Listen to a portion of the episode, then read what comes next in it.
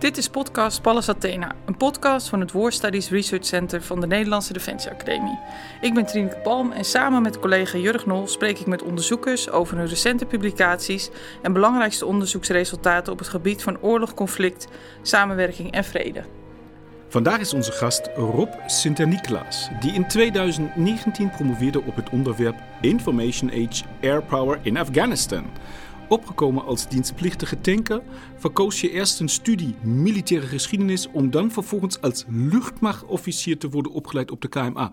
Korte vraag, lang of kort model? Lang. Lang model. Heel goed, heel goed zo. Na wat omzwervingen, inclusieve uitzendingen, belandde je weer in Breda. Terloops, ook kortmodellers zijn onze vrienden. Maar wij geven heel veel onderwijs aan langmodellers. En dus vandaar dat we dat bijzonder goed vinden ook. Deze keer ben je terug als promovendus.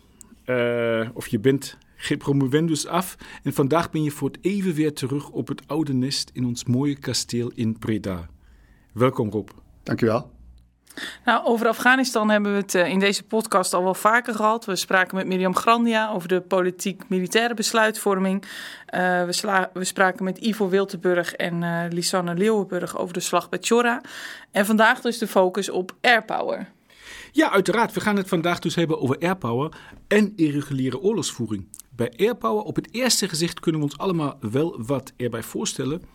Uh, maar eigenlijk op de keper beschouwd blijf ik nog steeds. Ik, ik heb jaren met je samen opgetrokken op de faculteit. Blijf ook ik nog altijd met, met de vraag van wat is nou eigenlijk precies airpower? En laat me meteen de tweede vraag aansluiten. En wat betekent irreguliere oorlogsvoering? Oké, um, mooie vraag, belangrijke vraag natuurlijk. Uh, om te beginnen bij airpower. Uh, zonder het uh, verhaal van de doctrine te willen napraten. Um, denk ik dat het uh, verstandig is om gewoon goed scherp te houden dat airpower eigenlijk alles is wat je kan doen in of vanuit de derde dimensie. Dus nou, meestal natuurlijk gewoon de lucht, maar het zou ook cyberspace of space kunnen zijn. Um, Over de ruimte en het oorlogsrecht komen we nog in een latere aflevering Ja. van deze podcast te spreken. Oké. Okay. Um, uh, dan zal ik me inderdaad even beperken. Um, het gaat dus vooral om, uh, om, het, om het brengen van effecten uh, in of vanuit de derde dimensie. Dus voornamelijk de lucht. Dat is vooral vanuit Afghanistan denk ik wel de hoofdmoot geweest. Um, en het is belangrijk om vast te stellen dat het niet alleen maar uh, vliegtuigen zijn die bommen gooien, maar dat het veel meer is. Er zijn typisch vier rollen die Airpower heeft. Uh, het, het, bevechten van luchtoverwicht, dat kan met vliegtuigen, maar ook bijvoorbeeld met grondgebonden luchtverdedigingssystemen. Uh, luchttransport valt daar ook onder. Um, daar valt ook onder in, inlichtingenverzamelingen, intelligence, surveillance en reconnaissance. Um, en natuurlijk dan ook daadwerkelijk ook het, het attack gedeelte. Dus datgene wat uh, bij sommige mensen als eerste naar voren komt in de, in de associatie. Um, dat is dus uh, wat airpower dan zeg maar is, of zoals ik dat in het proefschrift benader. het staat los van wie de airpower toepast. Het heeft dus, de luchtmacht is natuurlijk wel Um, degene, uh, het kruismachtdeel, dat, dat airpower uh, het meeste toepast en ook de autoriteit is op het gebied van airpower. Maar eigenlijk alle kruismachtdelen die uh, passen airpower toe. het mooiste voorbeeld zijn attack helikopters of helikopters van de US Army. Dat is US Army. Maar ik heb het toch als airpower uh, beschouwd. En zo geldt eigenlijk alles wat je in en vanuit de lucht uh, kan doen als, uh, als airpower, ongeacht het krijgsmachtdeel. Helder. Ja, ik wil zeggen, voor mij als landmacht gaat toch hier heel nieuwe boeken open. Dus veel dank. En nu dus de vraag irreguliere oorlogsvoering. Irreguliere oorlogsvoering. Um, dat is eigenlijk heel laf om te zeggen. Maar irreguliere oorlogsvoering, als je de literatuur erbij kijkt, is eigenlijk vooral gedefinieerd naar wat het niet is. Het is niet een clash tussen twee reguliere, gemechaniseerde, staatsgeleide, geuniformeerde uh, legers. Um, en eigenlijk dus uh, al het andere. Um, nou, dat is natuurlijk niet echt een wetenschappelijke definitie. Uh, iets wetenschappelijker zou je kunnen zeggen dat irreguliere oorlogvoering een conflict is in een bepaald gebied tussen bepaalde groeperingen, belangengroepen. Daar kunnen ook staatsgeleide legers tussen zitten. Maar één daarvan, één, minimaal één daarvan, gebruikt in elk geval onorthodoxe uh, uh, of onconventionele middelen. Bijvoorbeeld hinderlagen, um, hit-and-run tactics, het gebruik van civilians. Eigenlijk alles wat je bij een insurgency wel zou kunnen voorstellen. Uh, minimaal één groepering die past dat toe, waardoor er een soort asymmetrie ontstaat. Um, ja, dat is een beetje een vaag nog steeds, maar dat is eigenlijk wel zoals de stand van zaken op dit moment is. Er zijn meerdere definities van te geven, maar ik heb dit ongeveer toegepast in mijn proefschrift. Ja, want uh, in 2019 dus gepromoveerd, maar daar zitten natuurlijk jaren van hard werken aan vooraf gegaan. Uh, hoe ben je eigenlijk bij dit uh, onderwerp gekomen? Ja, uh, mijn promotor Frans Oziga die heeft daar een uh, belangrijke uh, impuls voor gegeven. ik werkte toen elders in, in de krijgsmacht. en hij stelde vast dat um, de historiografie over Afghanistan, zoals die op dat moment dreigde te ontstaan, of die in opbouw was, we hebben het over 2011, 2012 ongeveer. Uh, nogal uh, gericht was op de grondeenheden die daar uh, bezig waren. Het was ongeacht het land wat zich daarmee bezig hield.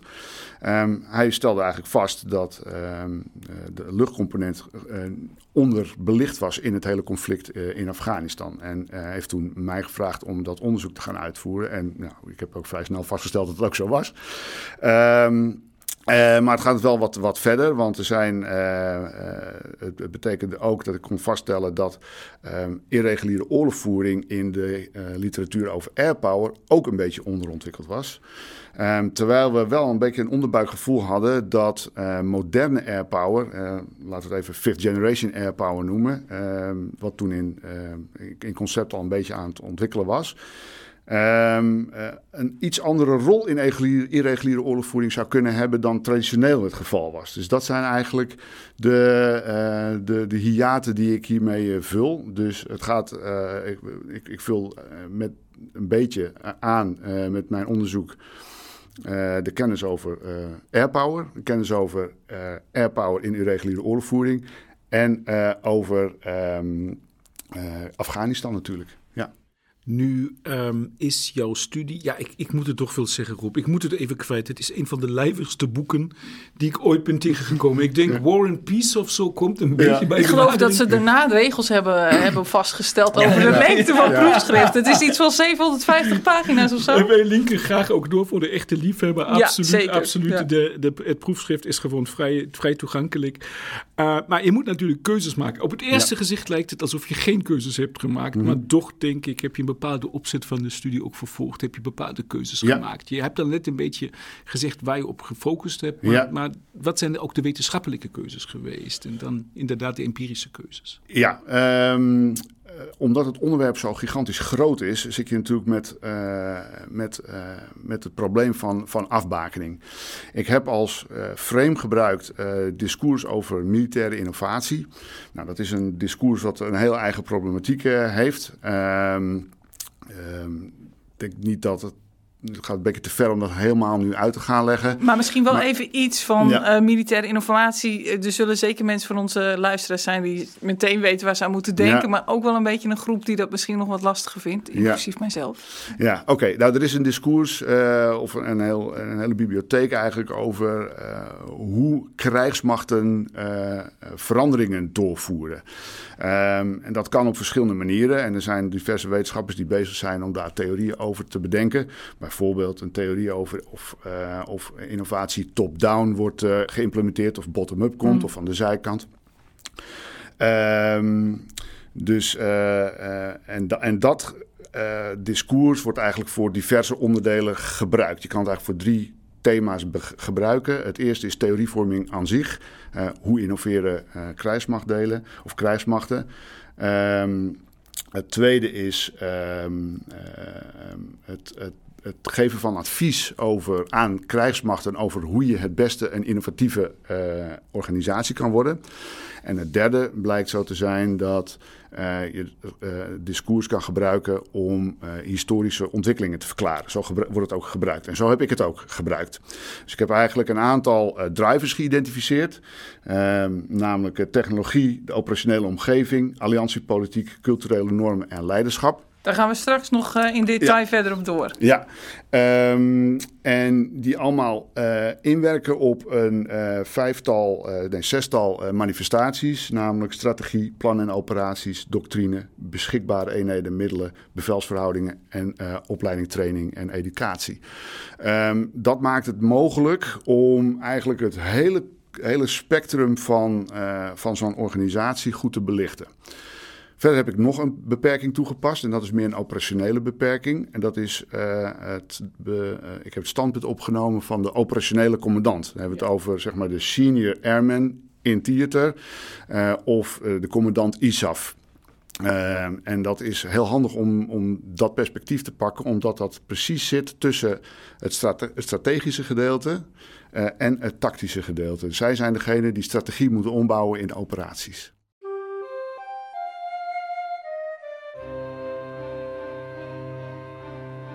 Um, wat ik heel interessant vind, uh, is, is, je had het ook net over uh, bij de definitie van airpower, dat het gaat om effecten. Je wil effecten sorteren mm -hmm. met, met de luchtwapen of luchtmiddel. Ja. Ik denk, misschien moet je dat misschien zo definiëren of, of uitdrukken. Dat lijkt enorm uitkomstgericht. Uh, dus airpower is airpower als je een, bepaald effect sorteert en anders lijkt het geen airpower te zijn. Uh, ik houd mm -hmm. eventjes uh, of de intentie dan meespeelt. Hetzelfde is een beetje ook bij je onderzoeksopzet. Of de vraag komt bij me op, kijk je meer naar het proces of kijk je naar de uitkomst? Dat is een goede vraag. Ehm, ik, krijg, ik kijk vooral naar de ontwikkeling van hoe de vier airpower rollen die ik benoemde net, strategische en operationele en tactische doelstellingen ondersteunen.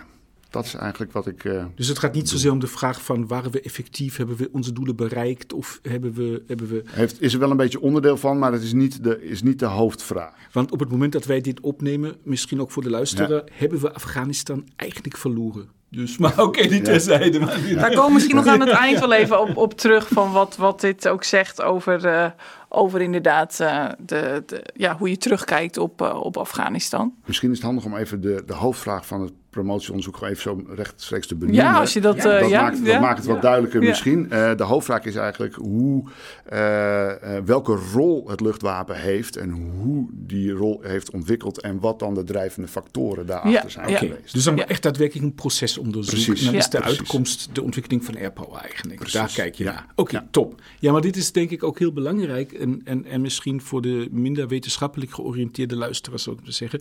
is altijd een heel belangrijke vraag voor onderzoekers. Let ik op het proces? Let ik op de uitkomst? En welke soort uitspraken kan ik dan uiteindelijk daarover doen? Ja, en bij een historisch onderzoek past natuurlijk ook heel goed de, hè, de focus op de ontwikkeling. Ja. Hoe we, hoe, het gaat niet alleen om de uitkomst, maar ook hoe we daar zijn gekomen. En um, jouw proefschrift uh, onderscheidt verschillende fases in, uh, in, um, in Afghanistan. Hè. In eerste instantie is het een counterterrorism operation. Dan gaat het door naar voornamelijk stabilization en reconstruction, dan counterinsurgency en uiteindelijk meer training en advies. En voor elk van die fases heb je vervolgens gekeken naar de rol die airpower speelde en daaronder vervolgens wat in die situaties dus de verklarende factoren waren. Um, maar misschien is het goed om eerst even die fases toch nog even kort voor ons te schetsen van waar moeten we dan dus aan denken uh, bij de verschillende uh, operaties in Afghanistan en wat dus die ta verschillende taken waren. Oké. Okay. Um, gelijk de taken van Airpower er ook gelijk bij? Nou, als, je dat, ja, als jij dat mooi kan integreren, dan is het hartstikke goed. En anders dan komen, als je zegt ik wil het eerst kort even schetsen, dan is dat ook dat prima. Schetsen eerst, uh, ja. dat dat handig is. Ja. ja, ja. Um, Even kijken, fase 1, ja, uh, die kent eigenlijk iedereen wel. Die is begonnen met uh, 9-11. Uh, de, de, Amerikanen reageerden daarmee binnen enkele maanden door, door een, met name een, een, luchtoperatie boven Afghanistan te organiseren. Um, met als doel voornamelijk een, een, een, oorlog te voeren tegen terrorisme, Global War on Terror. Dat was de operationele of de strategische context waarin dit plaatsvond. Um, het was zeer, uh, zeer succesvol geweest en heeft eigenlijk uh, tot maart 2002 geduurd. Uh, toen de gevechten in de bergen en de, en de grotten van, van Zuid- en Oost-Afghanistan over waren. Um, en daarna um, moest er een soort reconstructie opgebouwd worden. Uh, samen met uh, nog het vechten tegen de restanten van wat Taliban en Al-Qaeda nog, uh, nog in Afghanistan achter had. Um, dus vervolgens komt er dus een fase waarbij de NAVO eigenlijk instapt. die wilde eigenlijk al eerder meedoen. maar kregen uiteindelijk een, een security and reconstruction taak in de vorm van de International Security and Assistance Force. Eerst in Kabul, later in heel Afghanistan. Ehm, en parallel hieraan uh, bleven de Amerikanen met een Operation Enduring Freedom, uh, die in, uh, in oktober 2001 begon, counterterrorism organisatie of operaties uitvoeren. Um, dat werkte eventjes heel goed, maar de Taliban en Al-Qaeda wisten al snel in het soort machtsvacuum te stappen. Er ontstond een insurgency, een, een, een, een opstand tegen de zittende regering van, van Afghanistan en de westerse mogelijkheden die dat ondersteunden. Uh, en vervolgens is een hele tijd uh, is er een, een, een soort counterinsurgency gevoerd, terwijl dat de middelen er eigenlijk niet waren. Um, dus uh, er kwam een soort padstelling waarbij westerse militairen zich continu in gevechtscontacten bevonden, eigenlijk niet in staat waren om het initiatief blijvend te nemen in een counterinsurgency setting. Dat was de tijd 2008, 2009 zo'n Ja, de, die heeft tot, tot die tijd geduurd. De, de, gevechten begonnen eigenlijk 2006. in earnest 2006, duurde tot 2008. Toen kwam er mhm. eigenlijk een serieuze padstelling. Met name in Zuid-Afghanistan uh, was, dat, was dat heel duidelijk. Daar waar Nederlanders ook waren gestart. Zeker, zeker, ja. Um, en het duurde dus inderdaad tot ongeveer 2008 toen uh, Barack Obama werd uh, gekozen uh, in het Witte Huis. en hij heeft zijn militaire apparaat opdracht gegeven om wel een counterinsurgency uit te voeren. met een daarbij behorende doctrine, de Field Manual 324 over counterinsurgency. En 30.000 extra troepen die, die naar binnen zijn gevlogen. Um, dat heeft eigenlijk um, het momentum weer doen keren. Dus in 2012 was, was, had, had, hadden de westerse troepen, de coalitie, had het initiatief uh, weer. Uh, en kon er duidelijk uh, toegewerkt worden naar een, naar een, een, een, een, afwikkeling van het, van het conflict. en dat was het overdracht naar de, naar de Afghanen zelf. En daarvoor moet je de Afghaanse veiligheidsapparaten moet je gaan trainen. En de laatste fase vanaf 2012 ongeveer tot en met 2015, toen de, toen de missies uh, Enduring Freedom in ISAF formeel stopten, uh, heeft, dat, heeft het eigenlijk geduurd. En ja, de Afghanen vanaf dat moment eigenlijk geacht in staat te zijn om het zelf te doen. Nou, we weten allemaal dat dat iets ingewikkeld is geweest. Ja, ja. maar jij hebt dus eigenlijk in, je, in jouw onderzoek heb je dus een soort verschillende type operaties onderscheiden. Dus, en, en dat is natuurlijk super interessant om dan vervolgens te kijken, ja, welke rol speelt dan de luchtmacht in deze, uh, of airpower, sorry, dat moet ik dus, uh, ja, dus de burger in mij die dan een foutje maakt. Maar wat speelt dus, eh, hoe speelt airpower in die verschillende fases uh, een rol? Ja. Um, nou, om bij de eerste fase te beginnen, die van counterterrorism, um, daarvan, uh, dat, dat, daar had, had airpower echt een, een glansrol, zou ik bijna wel willen zeggen. Uh, het is heel mooi hoe dat uh, plan tot stand is gekomen. Afghanistan lag ver weg eigenlijk van alles. Winter kwam eraan, het was, het was al herfst. Uh, nou, zo waren er nog wat andere redenen die het eigenlijk onmogelijk maakten om op tijd heel veel grondtroepen naar binnen te fietsen om daar op, op de grond het conflict aan te gaan. Dus er moest iets verzonnen worden wat snel kon en wat um, wat een, een lichte footprint had. Nou, toen is in het, in het Pentagon en in Washington is, uh, is, een, is een systeem bedacht waarbij eerst de CIA contact heeft gemaakt met de Noordelijke Alliantie. Ehm, die in een padstelling zat met de Taliban op dat moment.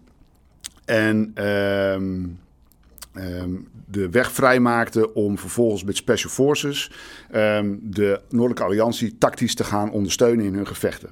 Bij die Special Forces zaten ook zogenaamde Joint Terminal, Attack Controllers, JTACs.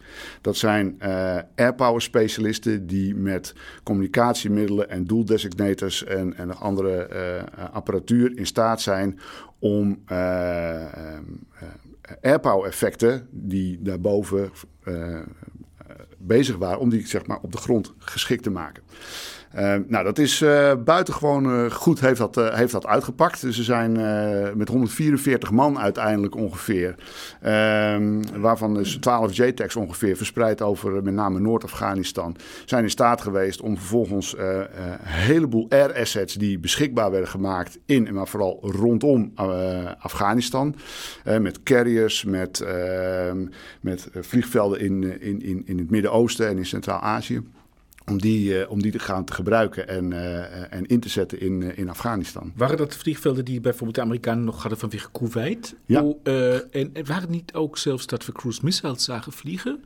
Of was het alleen Zeker. in Irak? Of was het ook in Afghanistan? Dat was ook toch? in Afghanistan. Ook in Afghanistan. Ja, ja, in deze fase wel. Ja. ja. Ja, dus hier een glansrol uh, voor, Ja. de land, uh, voor, de, voor airpower. Hoe zat dat in de volgende fase, bij, die, uh, bij de ISAF-fase met stabilisering en uh, reconstruction? Dat is de meest uh, problematische fase, helaas. Um, um, deze fase die, ja, die, die ontwikkelde zich eigenlijk een beetje. Ik moet er nog even bij zeggen dat deze fase, de vorige fase, wel zo eigenlijk succesvol was. Is dat daar een aparte naam voor was bedacht. Uh, het Afghan Model, zo gezegd. Waarbij je met kleine clubjes. Ja, light footprint, je noemde het net al. Precies. Ja.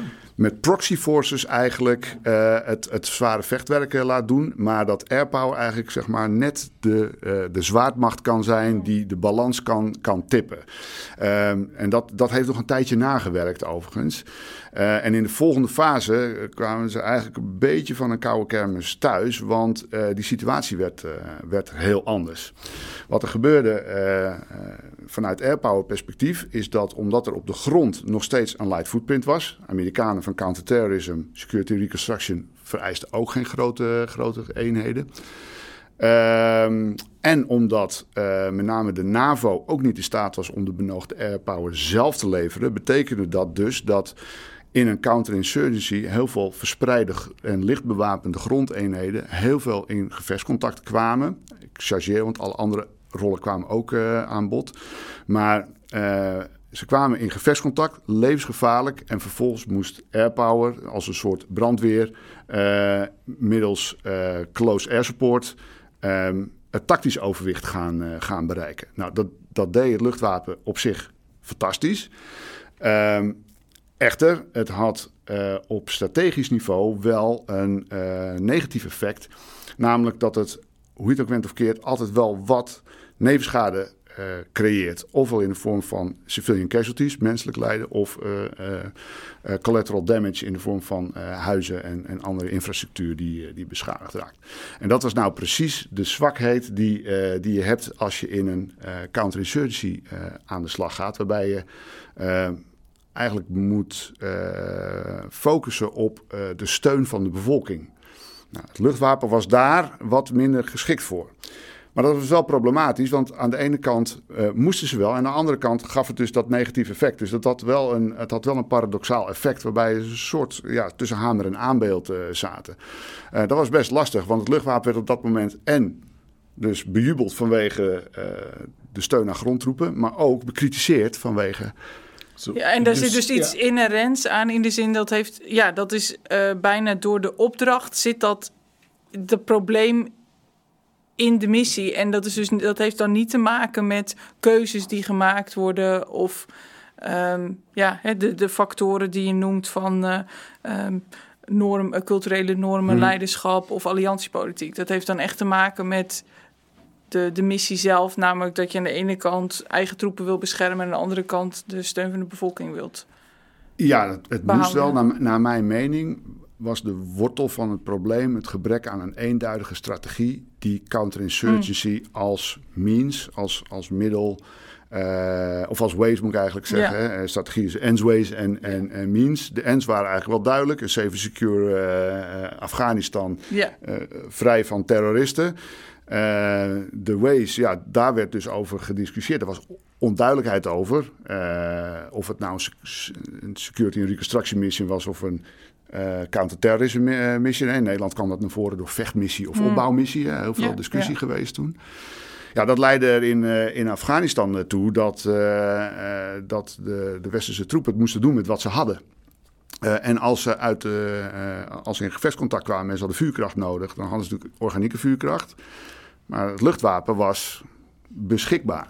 Organieke vuurkracht betekent wat ze op dat moment ter beschikking hadden. Ik zeg maar hun, hun lichte wapens. Hun Ja, of mortieren, of, Precies, eh, ja. of de panzerhouwitsen die later ook wel eh, Ja. eh, in, is gebracht. Maar het luchtwapen had als voordeel dat je met, met, de, met de sterke kracht, hoogte, snelheid en bereik heel, een heel groot gebied kan bestrijken en effecten kan genereren. Dus Maar zeg je dus, winning hearts and minds with hornets, dat bestaat niet echt. Dus, of heb je wel ook voorbeelden dat het luchtwapen of airpower wel degelijk ook ergens in het, in het, in het, in het hearts and minds, of ik, ik noem maar even counterinsurgency, wel een, ook een positieve rol kon spelen in de zin van dat het wel degelijk ook de bevolking heeft positief geraakt. Zeker, zeker.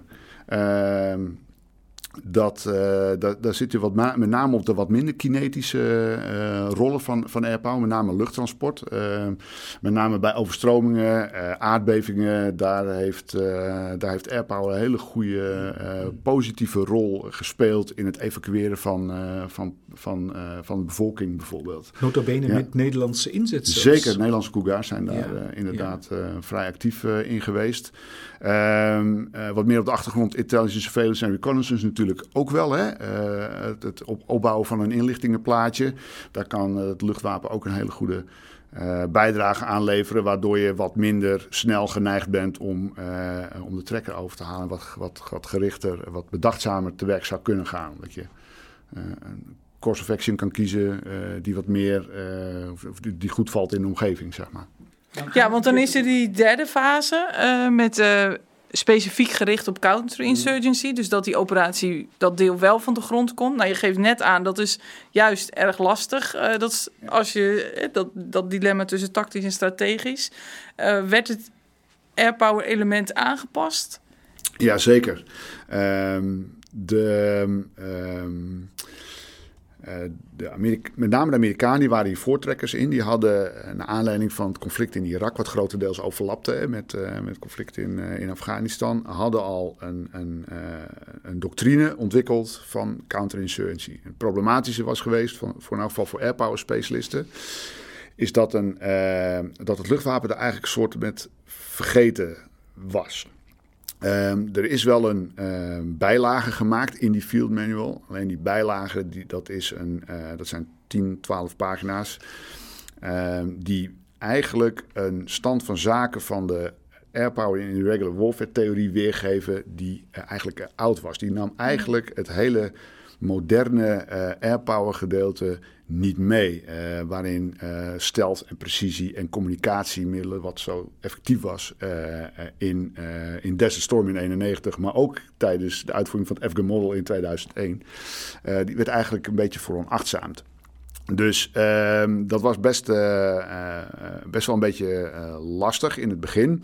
De commandanten die ehm, in, vervolgens in Afghanistan terechtkwamen, dat werden ook allemaal Amerikaanse commandanten, eh, McChrystal en, en Petraeus, die, ehm, die daar achtereenvolgens naartoe gingen. Die waren ook de bedenkers en, de, en de, gedeeltelijk ook de schrijvers van die Field Manual 324. Die gingen dat ook gelijk uitvoeren, eerst uh, McChrystal.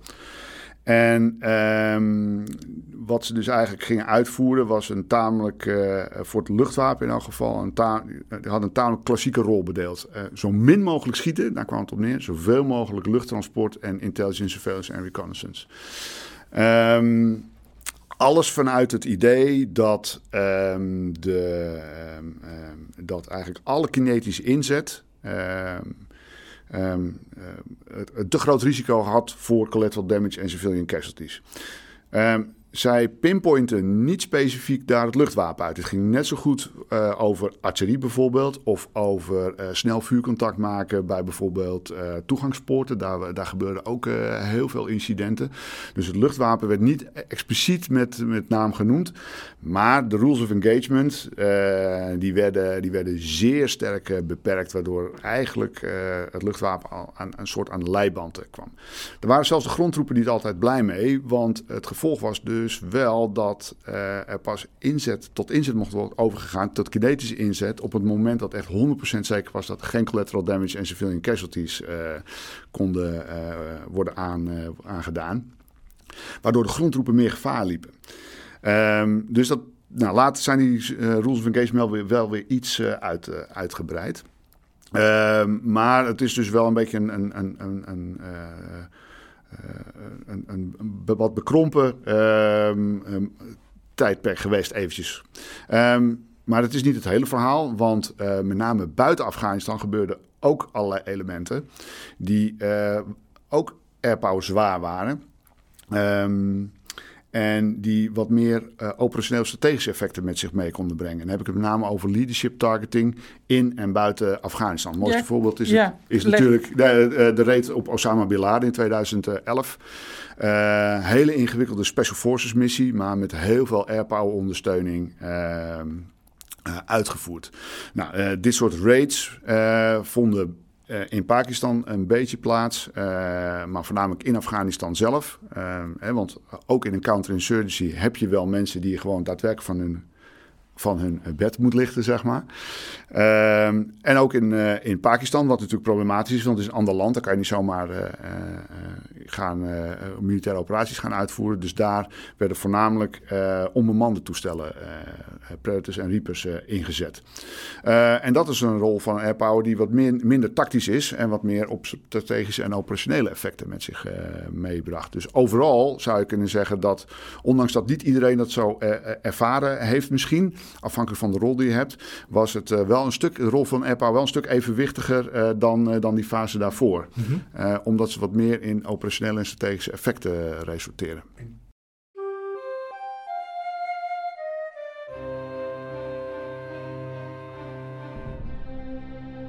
Toch heb ik de indruk, misschien correct me if I'm wrong, dat vanaf 2010, 2001, 2009 misschien, 2010, het luchtwapen of de airpower juist begon averechts te werken voor de aanwezigheid van de ISAF forces, van de, van de alliantie. Ik bedoel, ik, ik moet natuurlijk denken aan, aan, aan kolonel Klein, de Duitse oberst, die dus eh, twee tankauto's heeft laten beschieten door Amerikaanse, waren het volgens Ja. mij Amerikaanse eh, eh, eh, met 200 doden ten gevolge. En we kregen op een gegeven moment ook heel veel nou ja, eh, schade bij de burgerbevolking. eh, bruiloften Ja. die werden, die werden verstoord, bruut verstoord Ja. door dit wapen. En dat nam met name Kazai ook als, als een soort nou ja, reden om langzaam toch ook ISAF eruit te bonjouren. Ja. Ehm, even kijken, je zegt nu een aantal interessante dingen. Eh, om te beginnen de eh, collateral damage eh, incident. Ehm, dat is waar, dat klopt. Eh, maar dat was eigenlijk wel het laatste grote incident dat heeft plaatsgevonden. Eigenlijk vlak nadat de search eigenlijk eh, eh, opkwam, zeg maar. Ik zeg wel 2008 eindigt die fase, begint een nieuwe. Maar dat, dat is natuurlijk een overgangssituatie. Die 30.000 soldaten die zijn er niet eh, meteen. Eh, en McChrystal was daar ook eh, wel heel verdrietig over dat dit gebeurde. Dus die Dat heeft, hebben we allemaal kunnen lezen, niet in de laatste plaats in Rolling Stones interview. Precies, Ja. precies, ja. Dus, eh, maar, maar daarna ging het, eh, ging het echt wel, eh, ging het echt wel, wel, wel, nam het af met dat soort incidenten. Al is het alleen maar omdat die incidenten, als ze plaatsvonden, met name bij McChrystal, moesten degene die het uitvoerden, of daar verantwoordelijk voor, waren, ook zeer hoog in de lijn verantwoording daarvoor afleggen. En dat is natuurlijk een gigantische drempel om dat, om dat te doen. Ehm, over de rol van Karzai, daar zit je eigenlijk meer op een politiek niveau waar ik me eigenlijk niet eh, heb op geconcentreerd. Dus daar kan ik eigenlijk niks eh, eh, definitiefs over zeggen. Eh, hij heeft het, heeft zat natuurlijk wel in een spagaat. Hè? Hij, was, hij moest het land bijeenhouden, terwijl het land helemaal niet bestaat uit, uit een standaard land. Eh, met, met een homogene bevolking, maar een hele versplinterde bevolking met heel veel lokale belangengroepen. Ehm, en eh, moet ook zijn buurlanden te vriend houden. Nou, dat is, al, dat is al lastig. Terwijl hij ook nog eens een keertje met die gekke westerse eh, troepenmacht daar zit. Die aan de ene kant heel nodig heeft, maar aan de andere kant ook ehm, eh, ja, een beetje last bezorgt. Ehm, maar hoe hij daar precies op gereageerd heeft en wat voor invloed het op airpower heeft gehad, dat, Nee, het was meer omdat op dat moment heel veel incidenten ook, ook, Ja. ook het westerse ni- nieuws haalden. Dus Ja. vandaar dat het me even ook bij, eh, bij staat. Ja, die, zo, die tijd, ja. die fase. Ja. Ja. En dan komen we... Bij de laatste fase van eh, training en advies. ja, Wat, eh, was daar het belang van airpower? Hoe, hoe grote rol speelde die ook in, in het trainen van, van, van Ja. luchtmachters in, eh, in Afghanistan? Ja, er komt hier een hele belangrijke grote knip tussen aan de ene kant operaties en aan de andere kant de taak die zeg maar de westerse eh, airmen en airwomen eh, kregen om, die, om dat uit te voeren. De rollen van airpower waren idealiter hetzelfde, alleen uitgevoerd door een luchtmacht die eigenlijk nog niet bestond. Ja, Eh, dus de Afghaanse luchtmacht moest eigenlijk een soort van, van scratch worden, worden opgebouwd. Ehm, en eh, de rol van de, eh, van de westerse airpower specialisten was om, die, nou, om, ze- om ze te, te bewapenen en, en om, om, om, ze, om, om ze op te leiden. En niet alleen om- in de operaties, eh, maar ook in het onderhoud, de logistiek, eh, airbases, de, complete airpower eh, pakket. Daar moesten, daar moesten ze voor, eh, ehm, eh, voor ingezet worden. En wat je dan zag is dat de dynamiek wel heel, heel anders is. Alle rollen of alle manifestaties die hebben wel, ehm, ja, die zijn er wel, maar die, ja, die hebben een specifieke eh, lokaal eh, karakter gekregen. Ehm, Kun je daar een voorbeeld van geven? ja, een heel mooi voorbeeld is technologie. Eh, er zijn, we hebben het er niet echt over gehad de afgelopen half uur, maar er zijn gedurende deze periode wel continu impulsen geweest om techniek, technische verbeteringen toe te passen, zodat de nadelen van airpower een beetje werden gemitigeerd.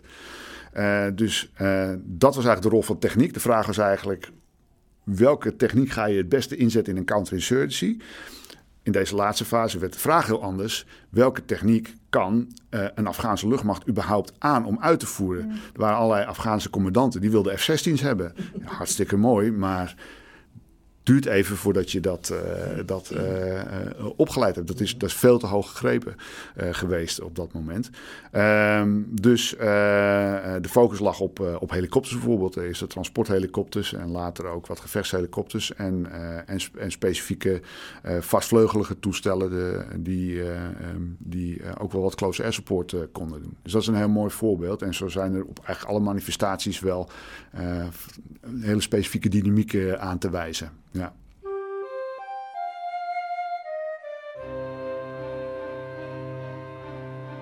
Want als je dan nu kijkt naar. Hè, we, we hebben in al die fases speelt airpower dus in meer of mindere mate en vooral meer of minder succesvol. Zeker die fase 2 en 3 lijkt wel, eh, daar zitten de meest spannende vragen van Ja. eh, waarom gingen dingen goed en niet goed. Eh, wat, wat je noemde in het begin van het gesprek verschillende verklaringen. Die technologie komt terug, maar je had het ook over alliantiepolitiek, culturele normen, leiderschap. Als je kijkt naar die ontwikkeling van de rol Mhm. van airpower, welke verklarende factoren zijn daarvan belang geweest? Ja.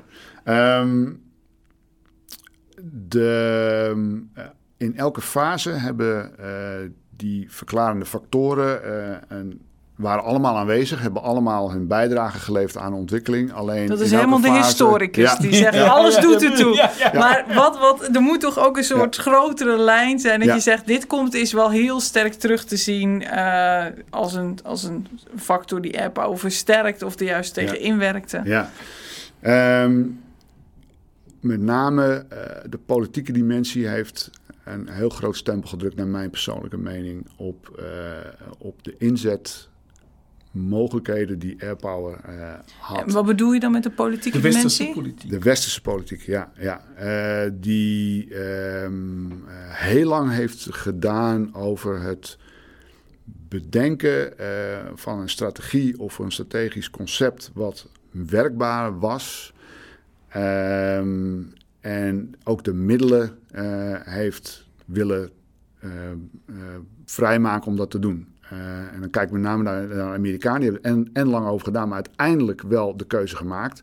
De NAVO, die toch verantwoordelijk was voor de ISAF-missie, heeft daar veel minder, eh, minder voortvarend eh, is die daarmee aan de slag gegaan. En dat genereerde allerlei, allerlei tactische en operationele problemen voor commandanten in het veld en, en airpower dus ook.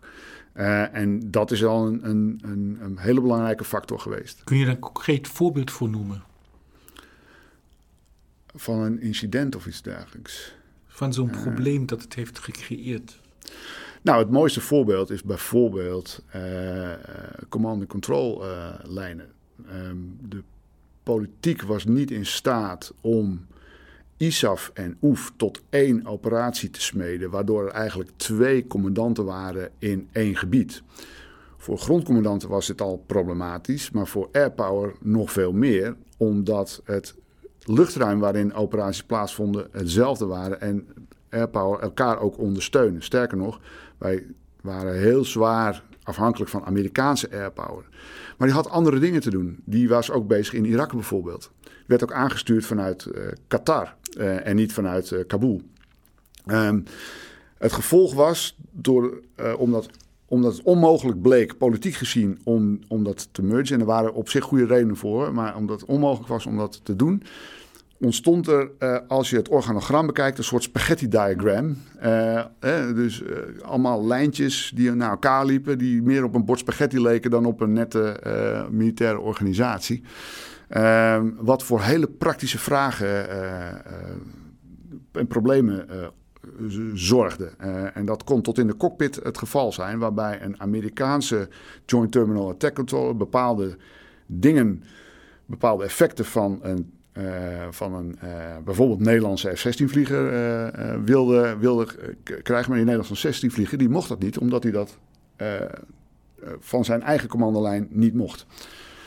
Nou, daar zijn allerlei workarounds voor bedacht. dat is allemaal wel op zijn pootjes soort van terechtgekomen. Zorgde, zorgde voor heel veel frustratie op eigenlijk alle niveaus. Vind je dat een goed voorbeeld, uh, Jurg? Ja, ik vind dit een uh, nou ja, heel verhelderend voorbeeld vooral. Omdat we natuurlijk in deze podcastserie regelmatig op dat, dat divide tussen politiek en militair te spreken komen. Ik zeg maar uh, militair operationele strategische eisen ook, die vaak botsen met um, nou ja, politiek uh, westerse politiek. Maar dan komen we natuurlijk ook op culturele normen en leiderschap mm. weer te spreken. Dat was ook een belangrijk onderdeel van jouw onderzoek. Ja. Ja, leiderschap was eigenlijk de, de doorslaggevende factor, denk ik, als het, als het over de hele, het hele conflict uh, hebben, die elke keer wel weer een belangrijke rol uh, vervult. Eerst het gebrek aan leiderschap en daarna het leiderschap in, ja, dat wel weer doorgepakt. Ja, want waar, wat zijn dan voorbeelden van waarin leiderschap op een positieve manier heeft bijgedragen aan met name die airpower kant? Uh, ja, hoewel niet iedereen het eventueel mee eens zou zijn, denk ik dat de Amerikaans leiderschap vanaf 2008, 2009, uh, um, dat dat uh, in elk geval heeft geleid tot positieve effecten in het veld. Op operationeel en strategisch niveau. Maar daar moesten wel even wat belangrijke dingen voor gebeuren. Onder andere waar de Secretary of the Air Force en de Chief of Staff of the US Air Force moesten daarvoor worden ontslagen.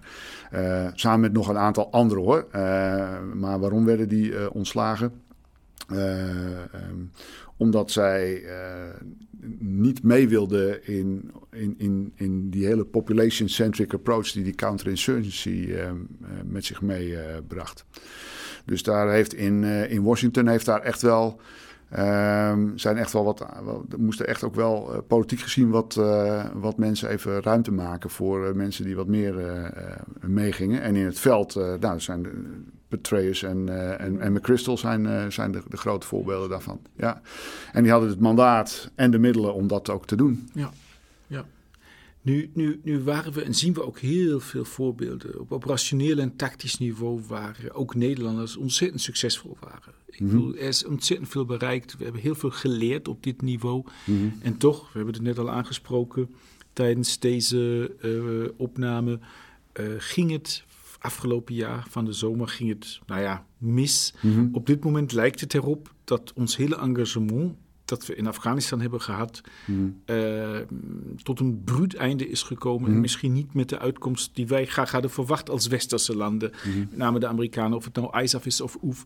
Um, het vertrek uit Afghanistan deze zomer. Hoe kijk je daar uh, vanuit je onderzoek naar? Ik vind het heel moeilijk om daar strikt vanuit mijn eigen onderzoek naar te kijken, omdat ik zelf ook twee keer geweest ben. Ehm, ja, wanneer ben je er geweest? Want dat hebben we eigenlijk helemaal nog niet. Nou ja, over dat, dat, Ja, ik, ja. wilde, ik wilde, want je hebt ook Qatar genoemd, dus ik wilde Ja. sowieso ook, je bent, je hebt ook, kunt, kunt ook volgens mij ook vergelijken trekken. Ja, ja, ja ik, eh, in 2004 in, eh, in, in Polycomedy, dat is een provinciaal reconstructieteam wat, eh, wat de eerste luchtmacht en daarna het Corps Mariniers heeft eh, bemand, korte tijd in Noord-Afghanistan. Eh, daarna in Kandahar in 2006.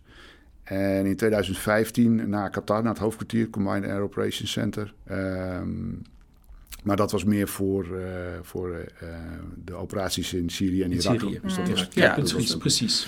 ja. Ehm, Ja, en je onderzoek was natuurlijk heel erg gefocust op de operationele Ja. kant. En wat Ja. we nu over hebben is natuurlijk meer het strategische niveau van zijn doelstellingen gehaald. Maar net heb je daar natuurlijk ook, als je kijkt naar die verklarende factoren eh, voor, voor de rol van airpower, daar kun je misschien ook wel iets zeggen over van eh, waarom dat dan wel of niet eh, tot een eindsituatie heeft geleid die duurzaam is. Ja, Ehm, nou iedereen denk ik, ik moet heel voorzichtig zijn met wat ik nu zeg, want ehm, eh, eh, ik, ik, ik ben niet in de positie, denk ik, om definitieve eh, evaluatie nu te geven over, over het einde van de missie. Ehm, ja, daar staat tegenover dat ik, ik heb wel wat, wat, wat overdenking hierover. Ehm, wat wel opvalt vanuit specifiek mijn onderzoek, is dat het, eh, om te beginnen, het beginnen met het opbouwen van de Afghaanse luchtmacht vrij laat begon. Je kan de, de restanten wel terugvoeren tot zeg 2005, 2006, maar het zijn pas in 2012 begonnen met daadwerkelijk daar geld en energie in te steken. Wat, wat ik eerlijk moet zeggen, als leek, relatief buitenstaander van Airpower, eh, ver- het verbaast me wel. Het verbaast me echt dat we zo laat waren begonnen. Ja, ja, ik heb daar niet echt een hele duidelijke verklaring voor, eh, voor gevonden. Want daarvoor we- het zijn heel veel publicaties geweest waarin de lucht, het luchtopereren heel belangrijk werd, werd, eh, werd gevonden.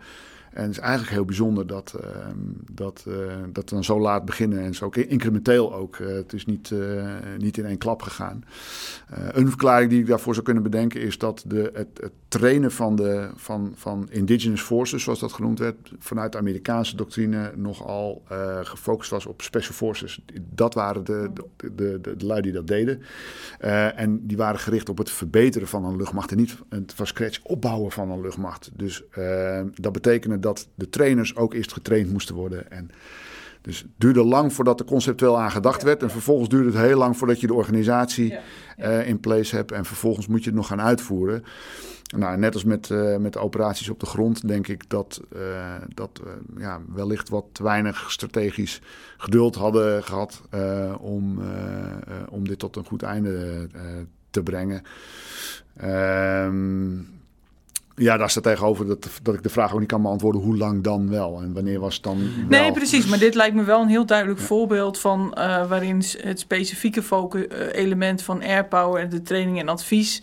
eh, van wa- waar, dat lijkt me wel een hele duidelijke factor die een rol speelt in, nou ja, eh, hoe, hoe, hè, in hoeverre is er sprake van een zelfstandige krijgsmacht die eh, daarin eh, ja, kan blijven staan op momenten dat het spannend wordt. Dus Mhm. dat, eh, Ja, en daar sluit natuurlijk dan meteen ook de vraag aan die we al onze gasten stellen. What's in for us? Eh, wat betekent jouw onderzoek en Mhm. met name ook dit soort conclusies voor eh, nou, het, het, het, het, het opleiden van onze officieren met Ja. name? Want daar gaan wij natuurlijk meer over. Ja, Eh, je wil een advies.